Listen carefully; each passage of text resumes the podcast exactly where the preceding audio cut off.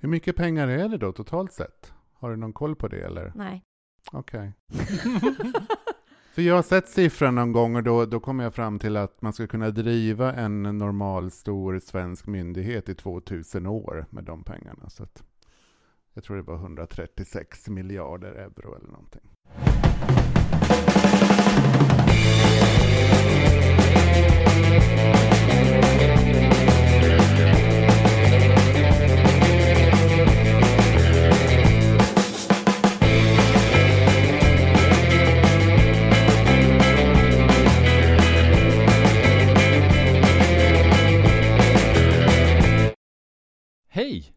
Hej! Hej! Välkomna till eh, Eufori-podden. Vi sitter som vanligt i en lägenhet och eh, med mig har jag Björn Bergström, federalist som eh, har älskat EU i många, många år. Helena Landelius, skeptiker, som ändå kan erkänna att EU har vissa goda sidor. Caroline Klammer, en fullfjädrad EU-nörd som vill bringa klarhet i vem den där EU egentligen är och själv heter jag Marco Roman Loy och jag skulle definiera mig som en EU-nörd som är något frustrerad över eh, allmänna EU-kunskapen eller bristen på. Hörni, jag tänkte vi skulle idag diskutera lite om pengar. Sjukt svårt ämne. Vi kan ju höra ett exempel. Och det är alltså 400 000 euro. 400 000 euro motsvarar ungefär i svenska kronor 40 000 miljarder kronor. Och det är väldigt mycket pengar. Ja, vad säger du Helena? Det här var väl ett eh, typexempel på någon som inte kan pengar särskilt väl. Hur svårt är det med ekonomi och eh, hur funkar EUs ekonomi? Ja, det är ju faktiskt sjukt svårt.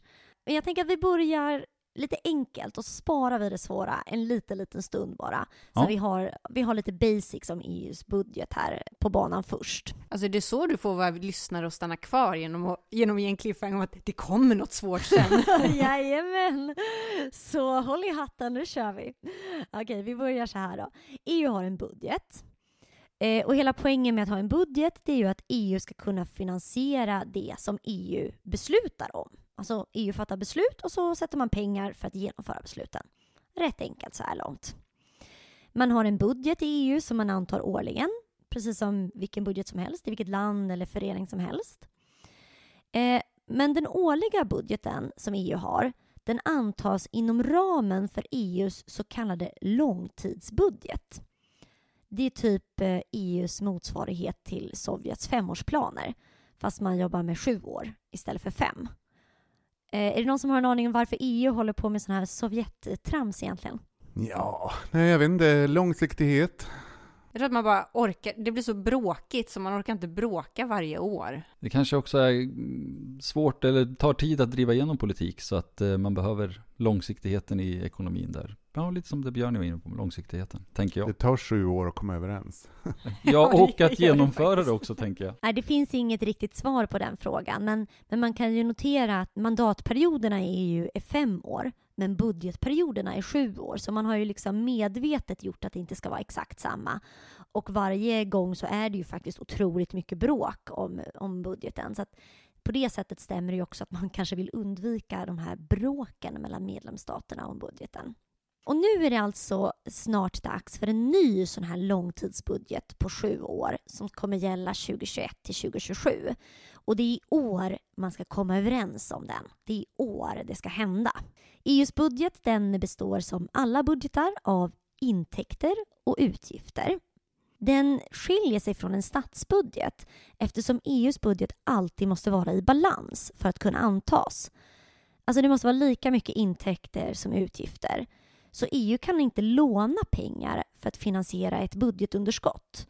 I de flesta medlemsstater gör man ju det här varje år. Man går alltid back liksom. Eh, Men det går inte i EU. Men var kommer EUs pengar ifrån då? Ja, den största delen det är en typ av medlemsavgift som varje medlemsstat betalar. Och det är baserat på det landets inkomst, den så kallade bruttonationalinkomsten. Så betalar man en viss procent av den in till EUs budget. Och det utgör nästan tre fjärdedelar av EUs totala intäkter. Och sen finns det några andra intäktsposter från tull och sockeravgifter, eh, viss typ av moms och så finns det en liten sån här övrigt punkt som är typ om EU utfärdar böter till företag som har brutit mot konkurrenslagstiftningen, då får EU de pengarna också. Ja, eh, till exempel om man bötfäller någon av de stora globala företagen, något multi... Ja, okej. Precis, Google och Facebook och de här har ju åkt på ganska saftiga böter och då går det in i EU-kassan. Så mer sånt då. Eh, Vad skulle, vad skulle pengarna då användas till? Vad använder EU sina pengar till? Ja, jag sa ju i början här att EU ska ju använda pengarna för att finansiera de beslut som EU har fattat. Men i praktiken så går 90 procent av EUs budget till utbetalningar till medlemsstaterna som får olika stöd och bidrag för att ja, oftast då genomföra EUs politik. Det kan till exempel handla om att minska klyftorna mellan stad och landsbygd eller att eh, ställa om jordbruket så att det blir mer klimatvänligt. Och det är ju liksom då nästan 90 procent. Sen så delar man på resten lika mellan kostnader för EUs administration, alltså löner och lokaler och sånt där, och EUs bistånd och utrikespolitik. Så det, det är ungefär i grova drag hur man spenderar EUs pengar. Det mesta går helt enkelt på jordbruk och regional utveckling i medlemsstaterna. Hmm. Sen, hur påverkar det här Sverige då? Vi har ju pratat om det här med Sverigeperspektiv i vår podd. Och precis som det funkar i Sverige, där man jämnar ut intäkter mellan kommuner som är olika rika och fattiga, så funkar EUs budget på samma sätt. Att man försöker jämna ut mellan de rika länderna och de fattigare länderna. Lite Robin Hood-politik. Exakt. Det Mm. finns både i Sverige och på EU-nivå. Eh, och Sverige är ju ett av de rikare medlemsländerna vilket betyder att vi betalar in mer pengar än vad som kommer tillbaka i bidrag. Det betyder att vi är en så kallad nettobetalare. Hur mycket det är, det varierar lite över åren inom ramen för en sån här sjuårsperiod. Då. Men i snitt så betalar vi in 35 miljarder svenska kronor varje år och får i snitt tillbaka 11 miljarder svenska kronor per år. Så då går vi back ja, 20-25 miljarder svenska kronor varje år när man bara räknar avgift och bidrag mot varandra. Det är en ganska ansenlig summa. Ja, och det kan man tycka. Och vad, vad får vi ut av det här då? Vad, vad är poängen? Varför går Sverige med på det här? Eh, man kan ju se det som att man betalar en medlemsavgift för att vara med i EU. Och för det så får vi en massa fördelar. Till exempel så är det fritt för oss att resa i Schengen och bo var vi vill i EU. Och tillgång till inre marknaden, tänker jag. Ja, och där finns det ju en del som har försökt räkna på hur mycket eh, gynnar det svensk ekonomi att vi är med i den inre marknaden. Eh, och det är många som har räknat och eh, man har kommit fram till lite olika saker såklart. Men någonstans mellan 187 miljarder till 490 miljarder svenska kronor per år tjänar den svenska ekonomin på att vara med i den inre marknaden.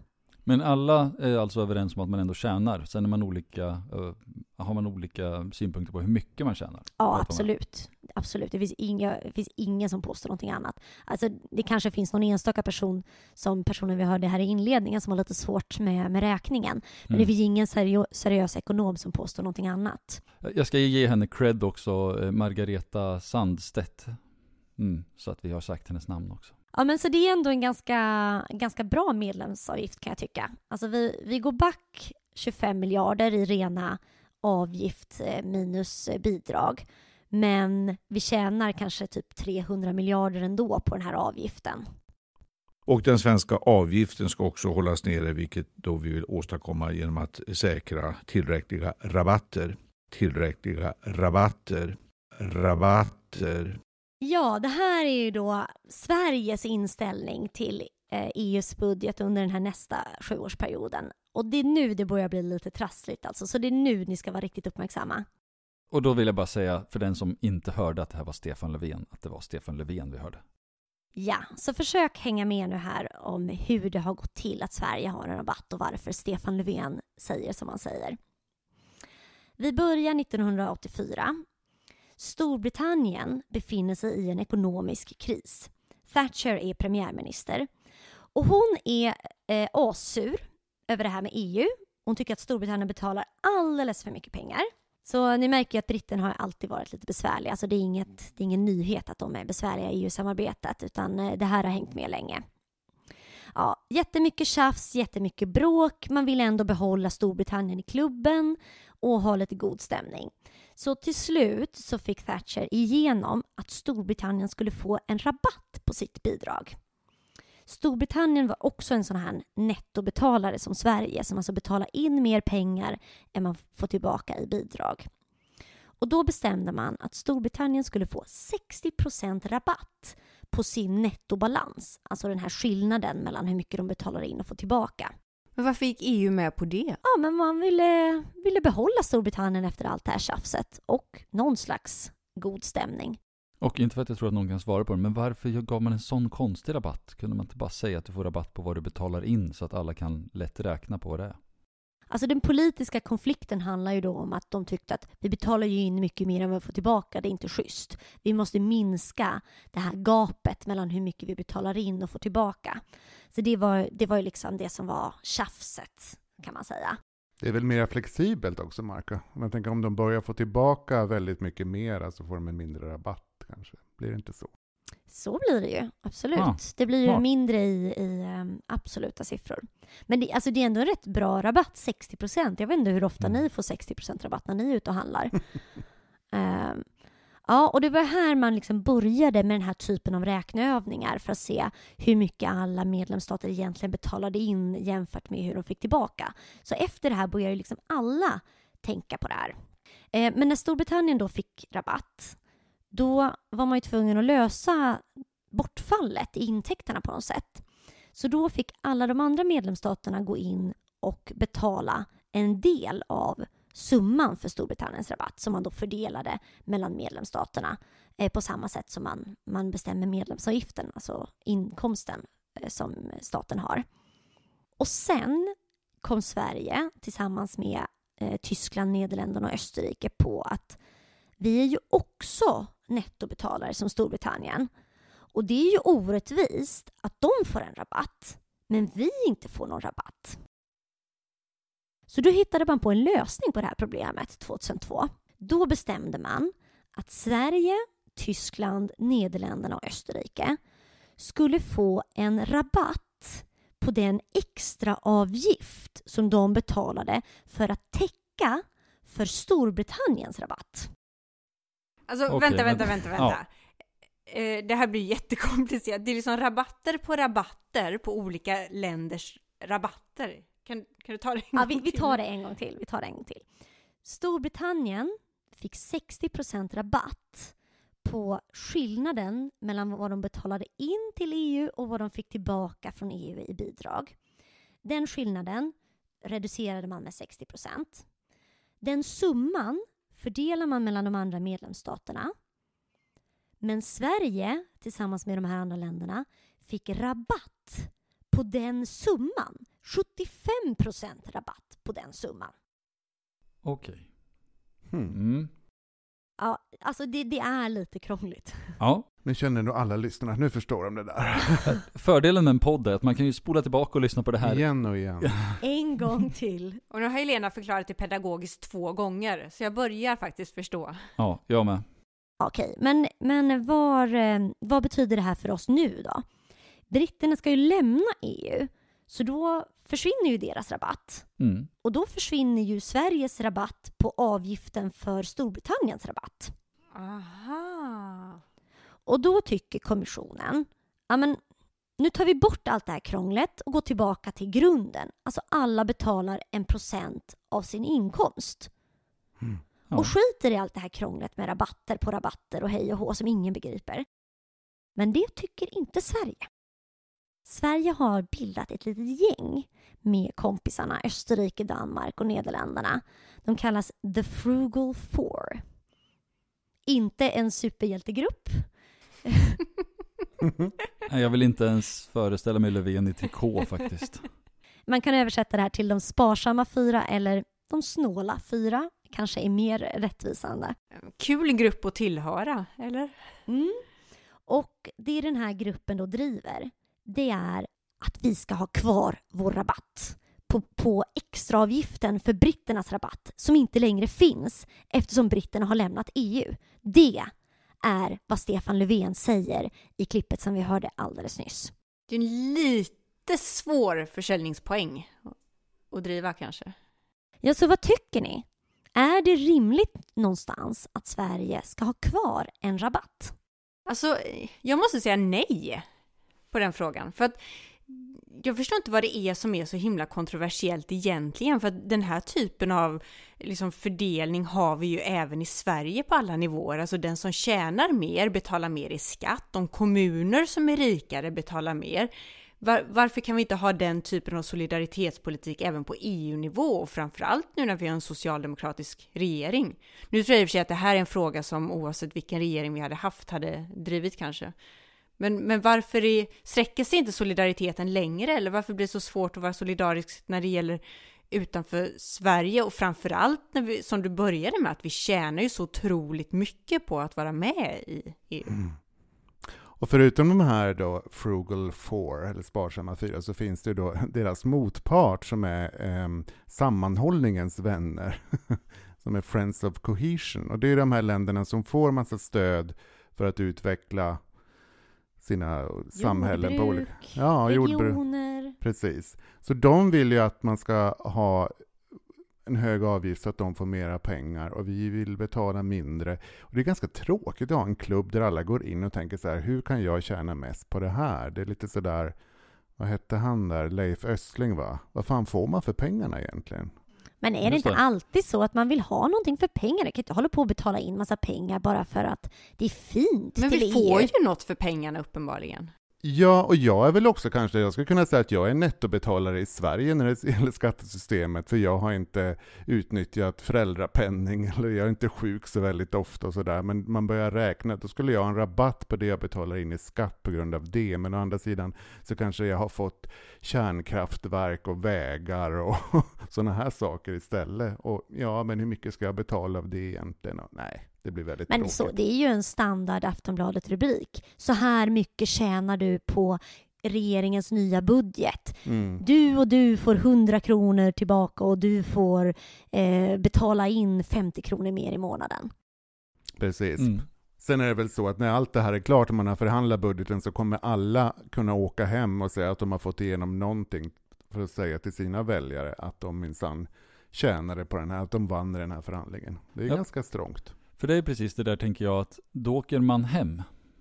Så den budgeten som man förhandlar om är inte ens hembudget. Och därför så vill man liksom att det ska finnas ett tak. Eh, och man vill vara med och bestämma vad pengarna ska läggas på. Eh, och man försvarar lite grann sin egen summa så att säga. För att det inte är ens egen budget. Man, man ser det liksom inte som en ja, som ens egen budget på det här sättet. Alltså ska man ge någon cred till Stefan Löfven så säger han ju ändå det här att EU-medlemskapet e är bra för Sverige, vi tjänar på det, det bidrar till jobb, det bidrar till eh, ekonomin, exporten och så vidare. Men de här siffrorna som jag nämnde, att vi, vi drar in typ 300 miljarder svenska kronor per år, de siffrorna förekommer ju aldrig, utan man pratar bara om den här nettobalansen. Alltså att vi betalar in typ 20 miljarder mer varje år än vad vi får tillbaka i bidrag. Det är ju den siffran som återkommer i den politiska debatten. Och om man då tänker att ja, men vi tjänar ju också 300 miljarder så, så börjar de där 20 kännas ganska futtiga. Mm. En, en, en intressant tanke att leka med då skulle vara om man bör, börjar justera i budgeten nu kanske det inte är det hållet man förhandlar den här budgeten, att man börjar med vad man vill spendera utan, eh, på, utan man, eh, man kanske börjar i fel ände. Men låt oss säga att man börjar titta på vad pengarna ska läggas på. Skulle man då kunna, kanske från de här snåla fyra, vara var villig att, eh, att backa lite grann på sina rabatter eller krav om rabatter? Och vad skulle då de här, vad heter de, sammanhållningens vänner, vad skulle de tycka om vi började skära i jordbrukspolitiken för att blidka tyskarna och eh, ja, svenskarna? Mm. Nej, men det är en väldigt bra poäng för att diskussionen vi haft nu är väldigt symptomatisk för hur diskussionen går mellan EUs stats och regeringschefer. Det handlar om hur mycket man ska betala. Okej, man har vissa intressen om vad pengarna ska användas till, men först och främst så ska Sverige fortsätta att ha rabatt det är ändå det som är det viktiga. Liksom. Mm. Det är förhandlingslinjen. Okej, ja, men vi tycker också lite mindre jordbruk. Hmm. Så då kanske man går med på en högre procentuell avgift. Istället för 1% av BNP så går man med på 1,1 men så får man en rabatt som man betalar bara 1,05 och då har alla tjänat på det där i alla fall. Och så har fått sina politiska poäng. Ja. En lek med siffrorna. Mm. Det är ju en av de saker EU gör allra bäst. Och så tänkte vi här i Euforipodden att vi skulle ha någonting som vi kallar för bakom rubriken. Eh, någonting återkommande, kanske inte varje avsnitt men någon gång ibland sådär. Och då är ju en sån fråga, ska EU förbjuda eller har EU velat förbjuda lakritspipor? Gör du Marco, det där vet jag faktiskt ingenting om, för jag hade ju tänkt idag prata om EU och lakritspiporna. Mhm. Ja, vi kanske ska lämna den diskussionen till språket i P1 då. Okej, och så får alla Okej. säga som de vill idag. Ja, Kompromiss. Kompromiss. vi fint. förstår dig Caroline. Ja, men då tar, vi, då tar vi utgångspunkten i ville EU förbjuda lakritspipor? Eh, och det här baseras ju på ett då antal rubriker som har figurerat i tidningarna i Sverige, i bland annat i Kvällsposten och Aftonbladet.